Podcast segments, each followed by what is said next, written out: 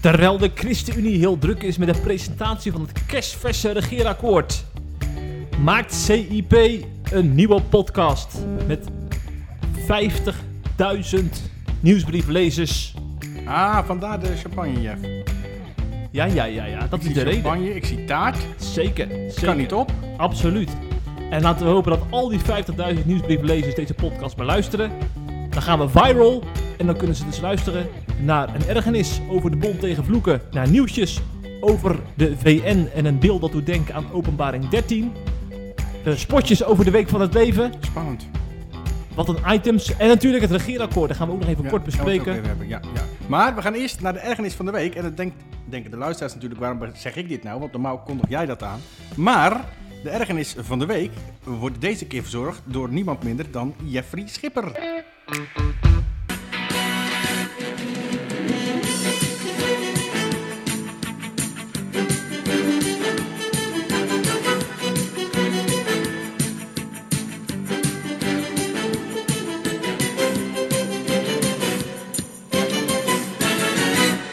Dat, is even wennen mensen, want normaal natuurlijk eh, ben ik altijd stil bij de ergernis. Want dan luister ik gewoon naar jouw eh, prachtige stem. En nu is het andersom. Ja, nou, ja. Ik heb mij geërgerd aan de bond tegen vloeken. Nou, Dat is- Ja. Laat ze, laat ze niet horen daar in Barneveld. Daar Nee. zitten ze volgens mij, hè? ze zijn gelijk de tieren. Een aantal, aantal weken geleden eh, viel het kopje koffie van Mark Rutte Nou, viel, eh, naar de grond. zo. En Nee, toen- niet naar de grond. Of, uh, viel, viel om, het viel, het viel om. Ja, Eh, dus het kwam op, op zijn broek, op zijn overhemd of zo, hè? ja, ja. En toen eh, eh, ja, heeft hij dus eh, een vloek... eh, ik ga natuurlijk niet herhalen wat hij Nee. zei, dat vind ik niet netjes. Hij vloekte. Hij vloekte. Ja. En de Bond tegen Vloeken kwam toen met een statement op Facebook uiteraard. Hè? En een poster erbij ook waar Mark Rutte op stond. Want die heeft wel eens met zo'n campagne van de Bond tegen Vloeken Ja, meegedaan. die poster, dat was, dat, dat was nee, het was, het was, ehm, het was de, eh, de voorkant van een magazine. Oh ja, ja, ja, ja, ik ja. ben dat naam verbuit. Hoe noem je dat nou? Holy, Nee, de ja, maar hoe noem je de voorkant van de magazine?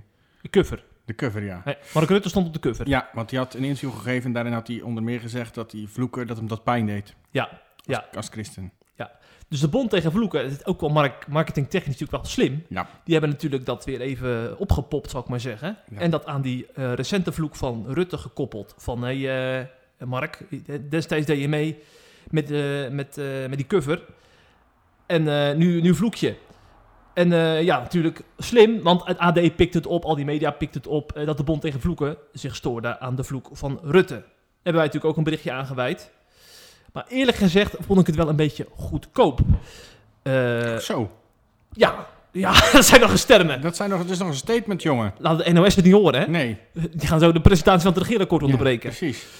Want eh, eh, al- allereerst, ik vond het niet een echte vloek. Vloeken vind ik echt van als je bijvoorbeeld achter in de bus zit, wat ik vroeger wel eens meemaakte, dat revo-jongeren dan stoer zaten te vloeken.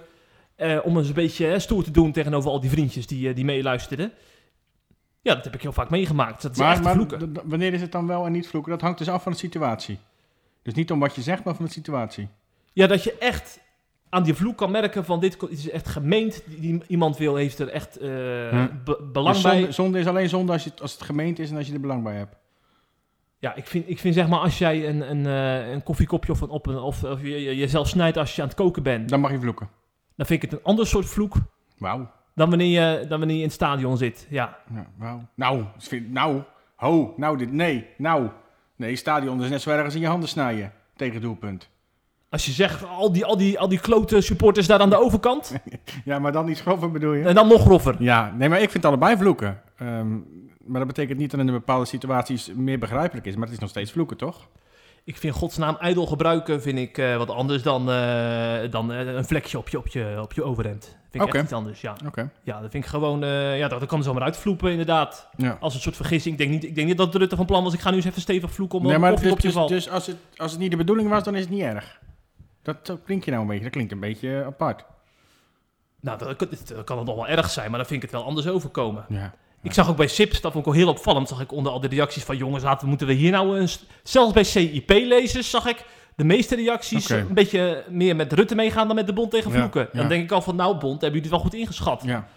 En eh, ehm, toen, dat het allermooiste was, mijn ergernis werd bevestigd door Arie de Rover, onze nieuwe columnist. We hebben een nieuwe rubriek. Ja. Het nieuws door de bril van genade. Hele goede rubriek. En Arie Drover die zei eigenlijk precies wat ik toen dacht. Uh, misschien kan ik het beste eventjes letterlijk citeren. Onze Arie Drover, die onlangs een boek over genade heeft geschreven. Wie na de vloek van Rutte wijst op het derde gebod, draagt bij aan het verspreiden van een moralistisch godsbeeld. Ja. Door iemand op gedragsniveau te beoordelen, wordt God meer afgebeeld als een moralistische despoot in plaats van een genadevolle vader. Ja. En dan gaat hij nog een tijdje door. Ik ga hem nou niet heel die column voorlezen, maar mm. dan staat, zegt hij op het eind. Wie op identiteitsniveau leert denken, wordt geraakt door de onmacht bij iemand die scheldt of vloekt. Dan wil je juist met zo iemand, dan wil je juist met zo iemand verbinden. Je gaat op zoek naar de verloren zoon, in plaats van dat je tegenover de buitenwereld laat weten dat je niets met die vloekende zondaar te maken wil hebben. Je dient God niet door een stepen te maken, uh, maar door naar iemands nood op zoek te gaan. Hoe kun je die anderen helpen? Dat is leven uit genade zoals God het heeft bedoeld. En ik denk van, ja, ik denk dat de Bond tegen Vloeken uh, beter aan had gedaan door gewoon even te bellen met het ministerie van Algemene Zaken, waar de woordvoerder van Rutte zit, en eens een keer af te spreken of zo. En, en, en, met Rutte hierover door te praten en misschien hem te benaderen voor een nieuwe campagne. In plaats van dan weer daar gelijk op Facebook likes te scoren over de rug van Mark Rutte. Zo komt het op mij een beetje over. Waarvan akte?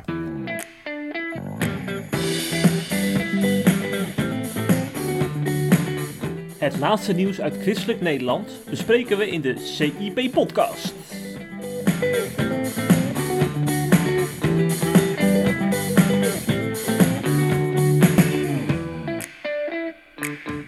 Voordat we verder gaan met deze uitzending, Jeffrey, um, heb ik een mededeling. Um, bij hoge uitzondering hebben we besloten, um, heb ik besloten eigenlijk, dat we deze podcast uh, reclamespotjes toelaten. En we gaan nu naar het eerste reclamespotje.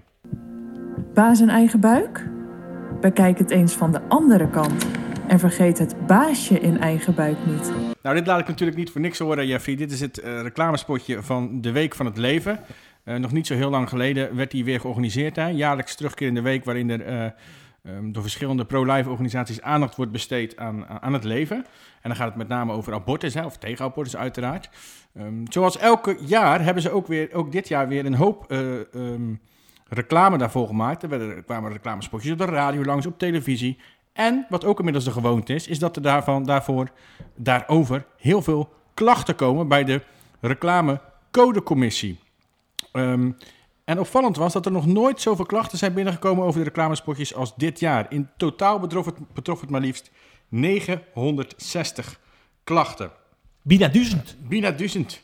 En dat het er zoveel waren, dat kwam onder meer doordat bekende Nederlanders opriepen om een klacht in te dienen. En een van hen was, ons niet onbekend, Tim Hofman, presentator van het programma Boos, waarbij, waarbij onder meer eh, bij dominee Kort op bezoek ging. Hè. En in de meest recente uitzending overigens heeft hij aandacht besteed aan de stichting Schreeuw om Leven. Um, hij riep eerder al op op Twitter, geloof ik, om een klacht in te dienen tegen de reclamespotjes, omdat de organisaties van de Week van het Leven volgens hem, en ik quote, hun interpretatie van de Bijbel wil doordrukken uit machtsoverwegingen. En mede door zijn oproep kwamen er dus zoveel klachten binnen hè, op, uh, over, die, over die spotjes op radio en uh, televisie. Nou, we hebben het spotje op televisie net kunnen horen. Um, er was echt behoorlijk veel woede over. Ook bijvoorbeeld bij Humanistisch Verbond. Dat is ook zo'n zo'n club die daar altijd weer uh, over begint. Hè. Natuurlijk kwam Lilian de Ploemen weer op de hoek kijken. En Rob Jette, de bekende mensen die daar altijd tegen in verweer komen. Maar goed, alle publiciteit en alle oproepen ten spijt is deze week bekend geworden dat alle 960 binnengekomen klachten door de reclamecodecommissie zijn afgewezen. Dat is misschien nog niet het einde, want voor de indieners van de klacht is het nog steeds mogelijk om in hoger beroep te gaan. Overigens kwamen er ook nog klachten binnen bij de Ster en de NPO, waar de reclames onder meer werden uitgezonden. Uh, maar zij hebben direct aangegeven, dat is niet voor ons, wij passen geen censuur toe, daar waken we voor.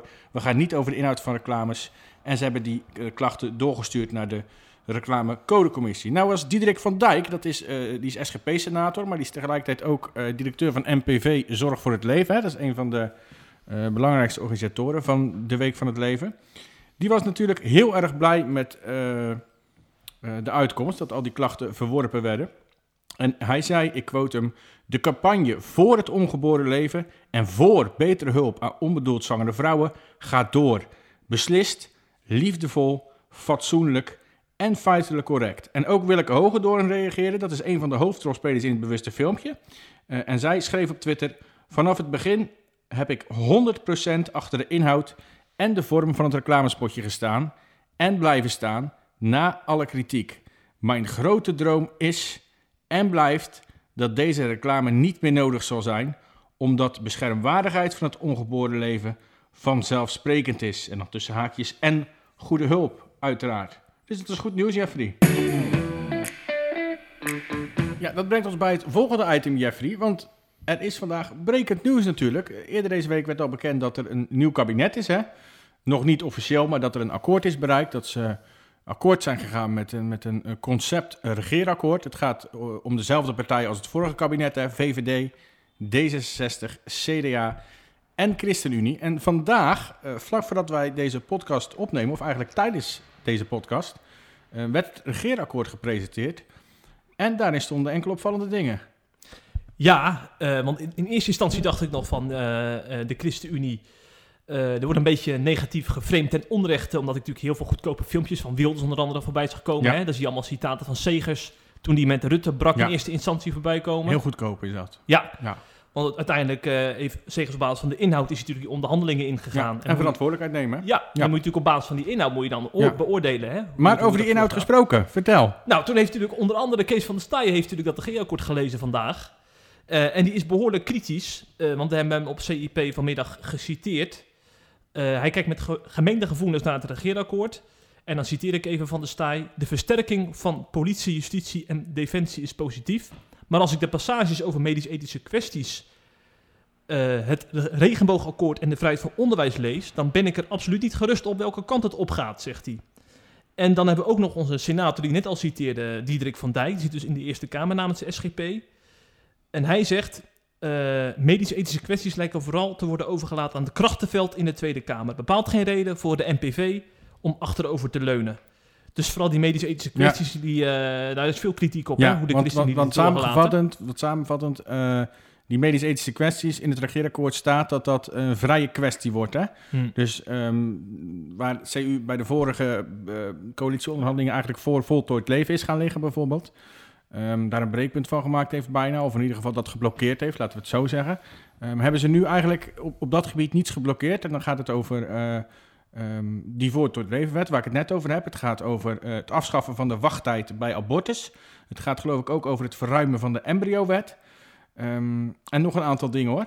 Eh, en, dat worden allemaal vrije kwesties. Wat betekent dat? Wat houdt dat nou in? Dat houdt in dat, dat de coalitie niet een, een, een, een, gezamenlijk punt inneemt, maar dat, het, eh, maar dat iedereen in de Kamer, dat zijn dus 150 Kamerleden, bestaande uit eh, alle partijen uiteraard, ehm, mogen iedereen zelf stemmen naar hun geweten. Dus dat betekent dat er straks gaat gestemd worden over voltooid levenwet, dat CU dan tegen gaat stemmen uiteraard. Ehm, en dat eh, VVD en D66 voor gaan stemmen. Nu is er al bekend, weten we ondertussen wel, dat daar een meerderheid voor in de Tweede Kamer is. Dus dat gaat doorgang vinden. Dus we gaan straks eh 75-jarigen eh, eh, krijgen die eh, hun leven als voltooid zien, die gewoon gezond zijn en die eh, een prik mogen krijgen om eh, te sterven. Waar jij al eerder tegen gewaarschuwd had, hè, als de ChristenUnie weer in een kabinet zou stappen Ja, trouwens. Ja, ik Want dit wel- zag je aankomen, Ik was er wel een beetje bang voor, ja. Ja. Want ik had nooit... ge- D66 heeft daar echt wel een heel belangrijk... Dat is echt het is bijna... Waar vroeger het referendum kroonjuweel van D66 was... Is dat nu, zijn dat nu medisch-ethische thema's zoals dit. Ja. Vooral dit. Die voltooid levenwet is echt heel belangrijk geworden. En die hebben zich eigenlijk... Zo voelden ze zich laten piepelen door de CU afgelopen vier jaar. En dat wilden ze niet nog eens laten gebeuren. Ehm, en ik had eigenlijk gehoopt dat, dat, dat eh, CU dan niet in een, in een kabinet zou gaan zitten... waarin het uit werd gevoerd. Ehm, laten we ook niet doen, even voor de duidelijkheid en voor de nuance... eh, alsof ze het met plezier doen. Hè? Het is niet zo dat Segers en co. straks eh, gniffelend zitten toe te kijken terwijl die wet wordt aangenomen. Hè? Die, die, daar zijn ze gewoon op tegen. Maar politiek is natuurlijk compromissen sluiten. Alleen als ik het voor het zeggen zou hebben, maar goed, daarom ben ik misschien geen Hm. politici, maar gewoon een redacteurtje. Politicus, maar gewoon een redacteurtje. Ehm, dan zou ik daar een breekpunt van maken als christelijke partij. Ja, want dit vind ik echt wel een, een, een, een, een, een hele grote rode grens die overgegaan wordt. Ja. Dat er gezonde mensen gefaciliteerd zelfmoord mogen plegen, want dat is het gewoon. Mhm. Gaat natuurlijk nog veel kritiek op komen de komende ja, weken er gaat ook. heel veel kritiek op komen. Eh, misschien voor de balans, als je het eh, goed vindt, Patrick. Jij kent Gean van de Heuvel, ChristenUnie eh, in Amsterdam. Ja. Die heeft ook een paar mooie punten uit het coalitieakkoord op een rijtje gezet. Ik dacht, die gaan we toch nog even benoemen om ook te laten zien... de ChristenUnie heeft er blijkbaar iets voor teruggekregen op een of andere manier. Hij somt vier punten op. meer bijverdienen in de bijstand, kostendelersnorm tot 27 jaar weg, verhuurdersheffing afschaffen en meer structureel geld voor sekswerkers die willen uitstappen. Nou, dat zijn zomaar een paar punten die de ChristenUnie dus als winst eh, beschouwt in zijn ogen. Dus blijkbaar, ja, blijkbaar heeft dus de ChristenUnie een, een meloen doorgeslikt weer om, om eh, Ja. dit soort punten terug te krijgen. Een Dus- aantal miljoenen, hè? ja, Ja, ja, zeker. Ja. ja, maar ik snap dat ook wel. Ik, ik, tuurlijk is het maar Ik, eh, misschien is het mijn naïviteit, maar ik vind eh, ehm, als christelijke partij dat, eh, dat juist op medisch-ethisch gebied eh, maak je het verschil. Juist op je strijd voor het leven, juist op je strijd voor ongeboren kinderen, voor ehm, het alternatieven bieden voor mensen die eh, zeggen dood te willen. Want we hebben inmiddels het beruchte Els van Wijngaarden onderzoek waaruit blijkt dat heel veel mensen die in eerste instantie een doodwens hadden, dat dat eigenlijk veranderbaar was. Hè? Dus dat ze, als hun leven verbeterd werd, hun kwaliteit van leven, dat ze minder eenzaam werden bijvoorbeeld, ehm, dat dan die doodswens ook weer verdween. Mhm. Eh, ja, dat is nogal wat, hè? dat die mensen nou gewoon kunnen zeggen in een moment, dan ga maar, dan maar dood.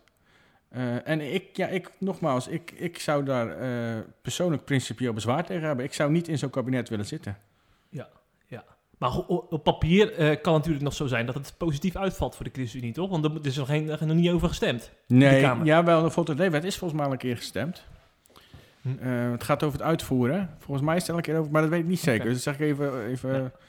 Voorzichtig. Maar ik kan jou wel vertellen dat daar een meerderheid voor in de Ja, Tweede Kamer is. da- en daarom zijn die SGP'ers natuurlijk zo kritisch. Ja. Die zijn En- ook niet gek. Nee, en hetzelfde geldt overigens voor die eh, eh, ehm, afschaffing van de bedenktermijn bij abortus. En hetzelfde Mm. geldt ook voor eh, de verruiming, de uitbreiding van de embryowet. Eh, dus dat zijn wel dingen die straks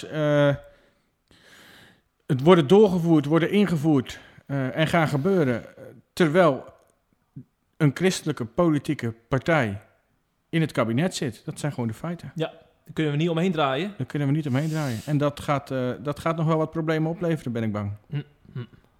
Misschien leuk om eh, in een podcast verderop in het jaar, of in 2022, nog eens erop eh, terug te komen. hè? Ja, nodig vooral een Met expert duiders. uit. Ja, Ja. heel goed. Maar laten we nu eerst naar de reclame gaan. Zullen we werk maken van echte hulp aan moeder en kind? Kijk op weekvanhetleven.nl. Nou, dat was voor de nodige boodschappen, Jeffrey. Ehm, nogmaals, het is een uitzondering, dus dat niet alle bedrijven ons nu gaan bellen dat ze graag eh, reclame willen maken in de podcast. Niet dat ik me dat voor kan stellen, maar goed. Ehm, het volgende punt. Ik kwam maandag een nieuwsbericht tegen, of ik kwam hem helemaal niet tegen, ik heb hem zelf geschreven.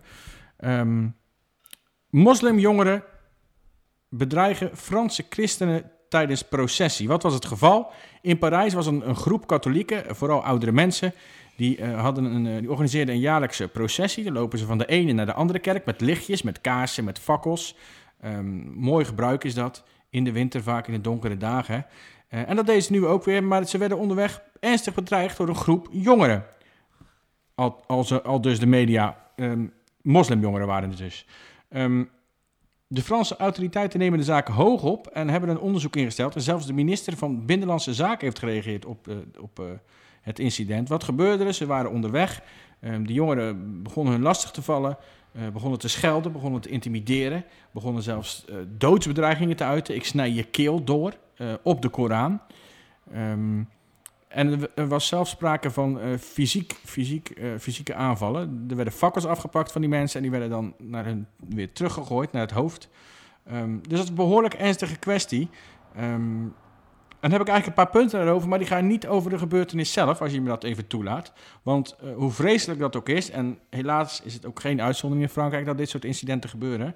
eh, er zijn wel twee dingen die me opvallen. Het eerste is, en dat, dat, hint ik net al even naar, is dat ik nog steeds zie bij bepaalde media dat er angst is om te benoemen dat, het, eh, dat de daders moslim zijn. Veel media hebben over dit incident bericht en dan gaat het over een groep jongeren.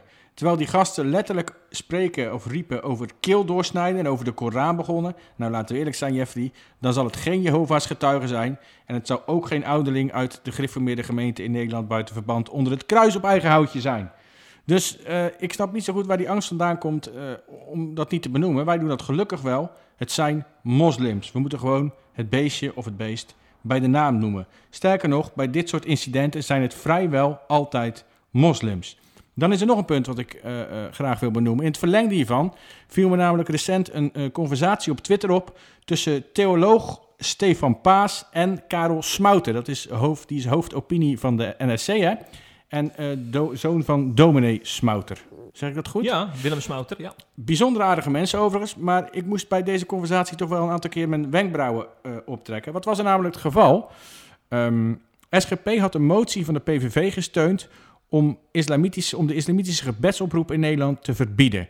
Eh, en in de motie werd die gebedsoproep omschreven als het geblair van de azan. Eh, vond ik overigens ook heel kinderachtig en heel veel eh, erg tegenvallen van een partij als SGP, een fatsoenlijke partij als SGP, dat ze zo'n motie steunen.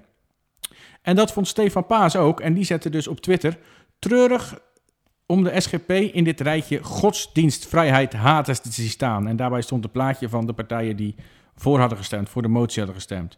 Nou, daar kwamen natuurlijk heel veel reacties op. eh, uiteraard van heel veel anti-islam mensen. Je weet wel een beetje hoe die reageren dan, hè? een beetje zoals ik vroeger deed. Eh dat weet jij vast nog wel. Eh, en ook Karel Smouten reageerde. En beide heren zeiden vervolgens hele interessante dingen over godsdienstvrijheid. En waarom je juist als SGP niet zou moeten willen dat godsdienstvrijheid ingeperkt zou moeten worden. Hè? Want het is inperking van godsdienstvrijheid, zoiets verbieden. Was ik het ook helemaal mee eens. Maar nu komt het interessant, hè? en dat citeer ik Smouten. Die schreef op een gegeven moment: Ik deed eens onderzoek naar de overeenkomsten tussen orthodoxe moslims en christenen. Het zal je verbazen over hoeveel zaken ze hetzelfde denken. En even later zei hij, schreef hij: Het grappige is dat je van- vanuit een ander perspectief de door de christelijke God ingefluisterde invasie van Irak, of ondubbelzinniger de aanslagen in Noorwegen en Nieuw-Zeeland, als uitingen ziet van het christendom. En daarbij plaatste hij een link dat Bush, eh, de voormalige Amerikaanse president, hè, ooit gezegd heeft: God gaf mij de opdracht om Irak binnen te vallen. En dat schoof hij dus, daarmee wilde hij eigenlijk aantonen: christendom is net zo goed geweld als islam.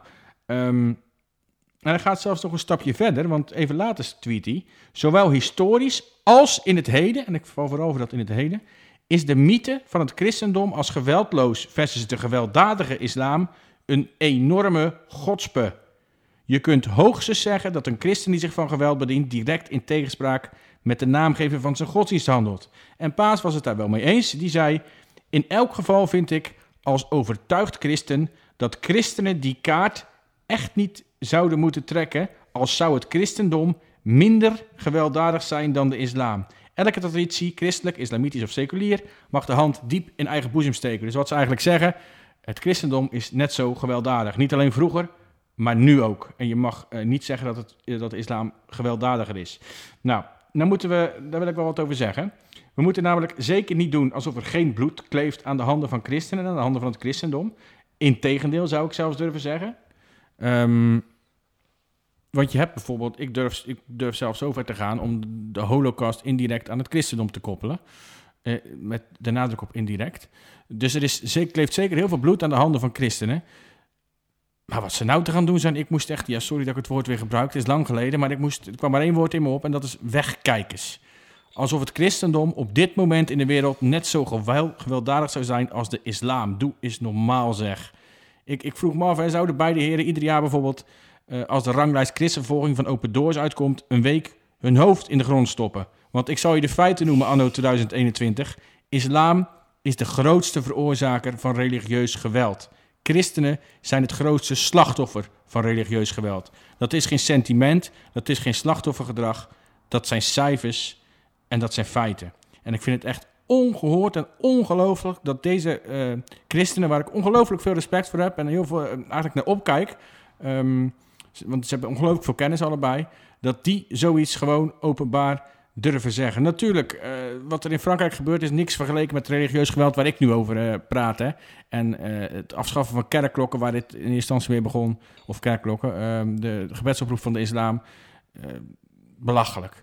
Maar zover durven gaan door te zeggen dat de islam niet minder gewelddadig is dan het christendom, ook vandaag de dag, ja, dat is echt te bizar voor woorden. En ik zou tot slot willen zeggen, als we beide religies toch willen vergelijken op dit gebied, laten we dan naar de grondleggers kijken. Mohammed was een krijgsheer, Jezus was een vredebrenger. Mooi gezegd, weet je wat, waar me het aan doet denken? Nee, En Verheij, ken je die? ja, Nou, die heeft dus een keer op de ranglijst christenvervolging met Open Doors kritiek gehad, omdat ze vinden dat Open Doors eh, de islamvreemden zoveel moslimlanden eh, eh, uit te lichten. Ja, dit is- dat is Radio Nou, 1, hè? dat- Radio dat is- 1. Dat is dezelfde hoek. ja, dat- dat, zeker. ja. zeker. Dus ze hebben liever dat hun christenbroeders worden vermoord dan dat, dat de feiten benoemd worden. Dat is echt, dat klinkt heel hard, maar dit, dat komt wel op zo op mij over. Ja. Dat is echt ongelooflijk. Hm. Eh, het, het, het zijn de feiten. Als je die ranglijst bekijkt, dan is gewoon eh, het overgrote merendeel van de top eh, op Noord-Korea bijvoorbeeld na en nog een paar landen hoor, zijn gewoon moslims en worden christenen daar vervolgd niet omdat ze stom zijn of omdat ze zich niet aan de wet houden, maar omdat ze christen zijn, omdat ze in Jezus geloven, omdat ze geen moslim zijn. Daarom worden ze vermoord, verkracht, ontvoerd, vervolgd, worden huizen in brand gestoken, worden hele dorpen afgeslacht. En je maakt mij niet wijs, eh daar kan je nog met honderd onderzoeken komen, maar je maakt mij niet wijs dat het christendom vandaag de dag net zo gewelddadig is als die islam. Absoluut niet. Maar nu gaan we eerst naar de reclame. Baas en eigen buik? Bekijk het eens van de andere kant. En vergeet het baasje in eigen buik niet. Tot slot, Jeffrey, nog een heel bijzonder opvallend nieuwtje uit het buitenland, wat deze week ongelooflijk goed op CIP is gelezen en daarna ook bij andere kwaliteitsmedia verscheen, zag ik. Ehm, wat is het geval? Ehm, er is een nieuw beeld van de Verenigde, Natie en de, van de Verenigde Naties. En dat beeld, eh, letterlijk een beeld, ehm, dat staat voor vrede en veiligheid. Zo heet het letterlijk, hè? beeld van vrede en veiligheid. Eh, en het opvallende aan dat beeld is dat er een aantal overeenkomsten zijn te zien eh, met het beest uit de eindtijd. Dat wordt omschreven in Daniel en in Openbaring. Ehm, de VN noemt het beeld op Twitter de beschermer van de internationale vrede. En geeft daarbij aan dat het een kruising is van een adelaar en een jaguar. En toen eh, de VN mee naar buiten kwam met dat nieuwe beeld, barstte er een salvo van kritiek los op het standbeeld. Vanwege wat ik net zei, hè, dat heel veel christenen de overeenkomsten zien met het beeld wat in de Bijbel genoemd wordt, het beeld van het beest. Ehm, veel christenen verwijzen daarbij naar teksten uit het Oude en het Nieuwe Testament waarover dat beest gesproken wordt. En als je goed gaat kijken, heeft dat beeld ook merkwaardig veel overeenkomsten met eh, de omschrijvingen die te lezen zijn in eh, verschillende Bijbelteksten in Daniel en eh, Openbaring. Ehm, dus het is wel opvallend te noemen. Ik weet niet of jij het beeld gezien hebt, Ik heb al een plaatje op CIP gezien. Maar je hebt er verder niet in verdiept, neem ik aan. Nee, waarom zou je ook, hè? En dan is er nog eens iets. Er is namelijk ehm, ook nog een verband tussen de woorden van de VN over het beeld en een andere Bijbeltekst. Ehm, ze noemden het namelijk de beschermer van vrede en veiligheid.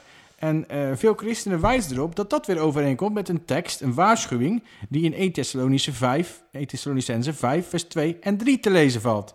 Daar staat namelijk, en het gaat opnieuw over de eindtijd, want u weet zelf heel goed dat de dag van de Heer komt als een dief in de nacht.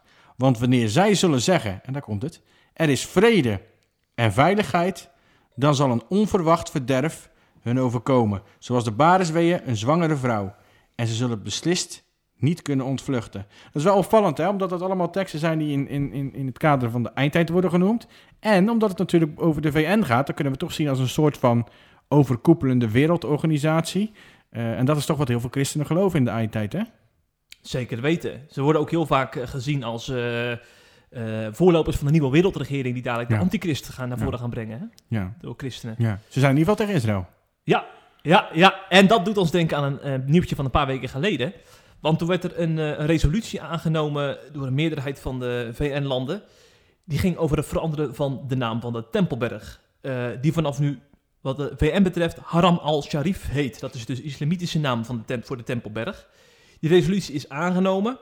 En heel veel christenen zien dat ook als een eh, onderdeel van een geestelijke strijd. Hè? Dat, eh, eh, zoals veel mensen weten, is natuurlijk de Tempelberg de heilige plek van het Jodendom. Maar islamitische vertegenwoordigers proberen natuurlijk die Tempelberg als het ware te veroveren, te annexeren binnen, binnen islamitische orde, zal ik maar zeggen. En daar hoort dus ook een naamsverandering eh, bij. Eh, en dat is dus eigenlijk een soort van overwinning voor eh, islamieten die die Tempelberg een soort van willen kapen. Heel opvallend dus dat de VN deze resolutie heeft aangenomen. Doe me ook denken trouwens aan een eerder interview met Eppo Bruins, een voormalig ChristenUnie-Kamerlid en ook CIP-columnist. Waar we heel blij mee zijn. Zou Apple blij zijn met het regeerakkoord? ja, moeten we eens aan hem vragen, inderdaad. Ja. Ja, Nodig ja. hem uit.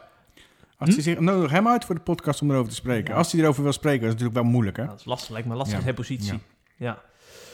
Maar hij, hij is altijd heel duidelijk geweest over die Tempelberg en eh, Ja. de VN-motie hierover. Hij ziet het echt ook als eh, echt een geestelijke strijd. Waarbij eh, deze VN gewoon aan de verkeerde kant staat. Hij zei een keer in een interview namelijk... ehm, rationeel is het niet te verklaren.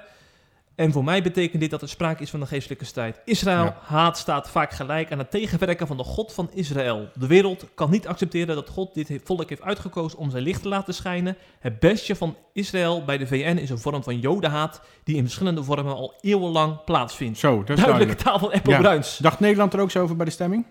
Nee, nee, nee, nee, nee, nee. Want Nederland stemt nooit tegen. Of ze stemmen neutraal, of Ja. ze stemmen voor. Meestal stemmen ze voor, hè? Ja. Maar nu stemmen ze wel neutraal, zag ik dus. Ja, ja, omdat er al eerder in de Kamer op basis... Op, Flinke kritiek, hè? Eerste en Tweede Kamer al, hè? Ja. En toch bleven ze, maar dan hadden ze nu eigenlijk tegen moeten stemmen. Er is ooit ook een keer een wet aangenomen, volgens mij van de SGP, dat ze, eh, dat ze qua Motie, motie, motie, geen wet. Eh, een motie inderdaad. Dat ze qua VN-wetgeving minder anti-Israël Ja. zouden moeten stemmen. Maar daar wordt nooit naar Nee. gehandeld door de v, eh, VN. Nee. eh. Overigens, we begonnen dit item met dat van het beest, hè? Ja, Ik vind dit een, eigenlijk een veel belangrijker onderwerp dan waar we mee begonnen. vind ik ook. Ehm, want we, even voor de duidelijkheid, dat de luisteraars niet denken dat het onze mening is. Hè. Dit is ehm, wat, wat veel christenen denken. Ehm, en met name in Amerika kwam het veel voor. Maar ik zag het ook op Nederlands Twitter eh, veel langskomen. Ehm de werkelijkheid ligt iets genuanceerder. Eh, het is namelijk, eh, zoals we net al zeiden, is het, is het beeld een, een, een eh, koppeling tussen een jaguar en een adelaar. Ehm, en in de Mexicaanse mythologie van de oorspronkelijke bewoners van dat land, waren dat hele belangrijke wezens. En het beeld is, zoals ik net al zei, geschonken door de Mexicaanse regering. Dus die hebben gewoon een beeld gemaakt waarbij ze gebruik hebben gemaakt van eh, eh, wezens die veel voorkomen in, hun, in, de, in de mythologie van de oorspronkelijke bewoners van hun land. Eh, wat misschien ook wel kan kloppen. Hè? Mythologie vertoont vaak veel overeenkomsten met dingen die we in de Bijbel zien. Ehm, dus zo vreemd is dat niet. Maar dan moeten we niet gaan doen alsof het dan bewust is dat... dat eh, hè? Ik, als ik sommige mensen lees, lijkt het alsof we daar straks moeten voor gaan buigen. Dat we straks allemaal op ons voorhoofd en onze Ja. hand... Oh nee, dat was straks herhalen. Ja, Dieleman. Ja, Dieleman. Wat dat betreft zit complotdenken en eh, christelijk eindtijddenken dicht tegen elkaar Ja, aan. En dan moet ja. je voor, uitkijken dat je niet eh, te doorschiet daarin. Ik geloof eh, persoonlijk, maar goed, ik, ik ben geen theoloog... dat eh, als er een tijd aankomt, eh, als het al zo gaat... zoals in, in die, in die eindtijdromans dan wordt beschreven... Hè, vooral in Amerika zijn die populair... ehm, dat je echt straks zo'n merkteken krijgt... als het niet geestelijk of zo bedoeld is of al geweest is... maar als dat echt zo zou zijn... dat dat dan extreem duidelijk is. Dat jij dan weet op het moment dat je dat doet... nu kies ik tegen God. Mhm. Dat is geen enkele twijfel over. Dat kan niet anders, want zo, God zou dat niet, niet toelaten dat je dat per ongeluk doet. Ja. Dus ik denk niet dat je daar zorgen om hoeft te maken. Als je je bijvoorbeeld laat vaccineren, Jeffrey. Wie trouwens hier nog meer over wil weten, luister de, de podcast van Jan Hoek over openbaring 13 van twee weken Ja, geleden. die heeft daar uitgebreid over gesproken. Hè? Ja, thema podcast. Nou Jeffrey, dan zijn we weer aan het einde. Hè? ja, Dan gaan we lekker onze champagne opdrinken, zou ik zeggen. Maar niet voordat we... eh, nou, is het een beetje overdreven hè, om nog een keer reclame te doen. Weet je wat? We sluiten af met een mooi liedje. van? Van Sela. Het gaat wel over Psalm 139. Dus ik kan niet garanderen dat het niet weer over ongeboren leven gaat. Oké, goed idee. Zullen we dat doen? Doen we. En dan spreek ik jou eh, volgende week weer. Want dan gaan wij een uitgebreid jaaroverzicht maken. Waarbij we alle mooie artikelen en alle mooie momenten, of misschien ook wel minder mooie momenten, eh, van dit jaar gaan bespreken op CIP. Hè? En gaan we daar ook op proosten. Ja, uiteraard. Ja, Wij zoeken, wij zoeken altijd een reden om te proosten. Nou, daar ben ik er weer bij. Volgende week. Doe je? Tot kijk. Proost. U heeft mij al gezien, mijn vormeloos begin. Toen ik in het geheim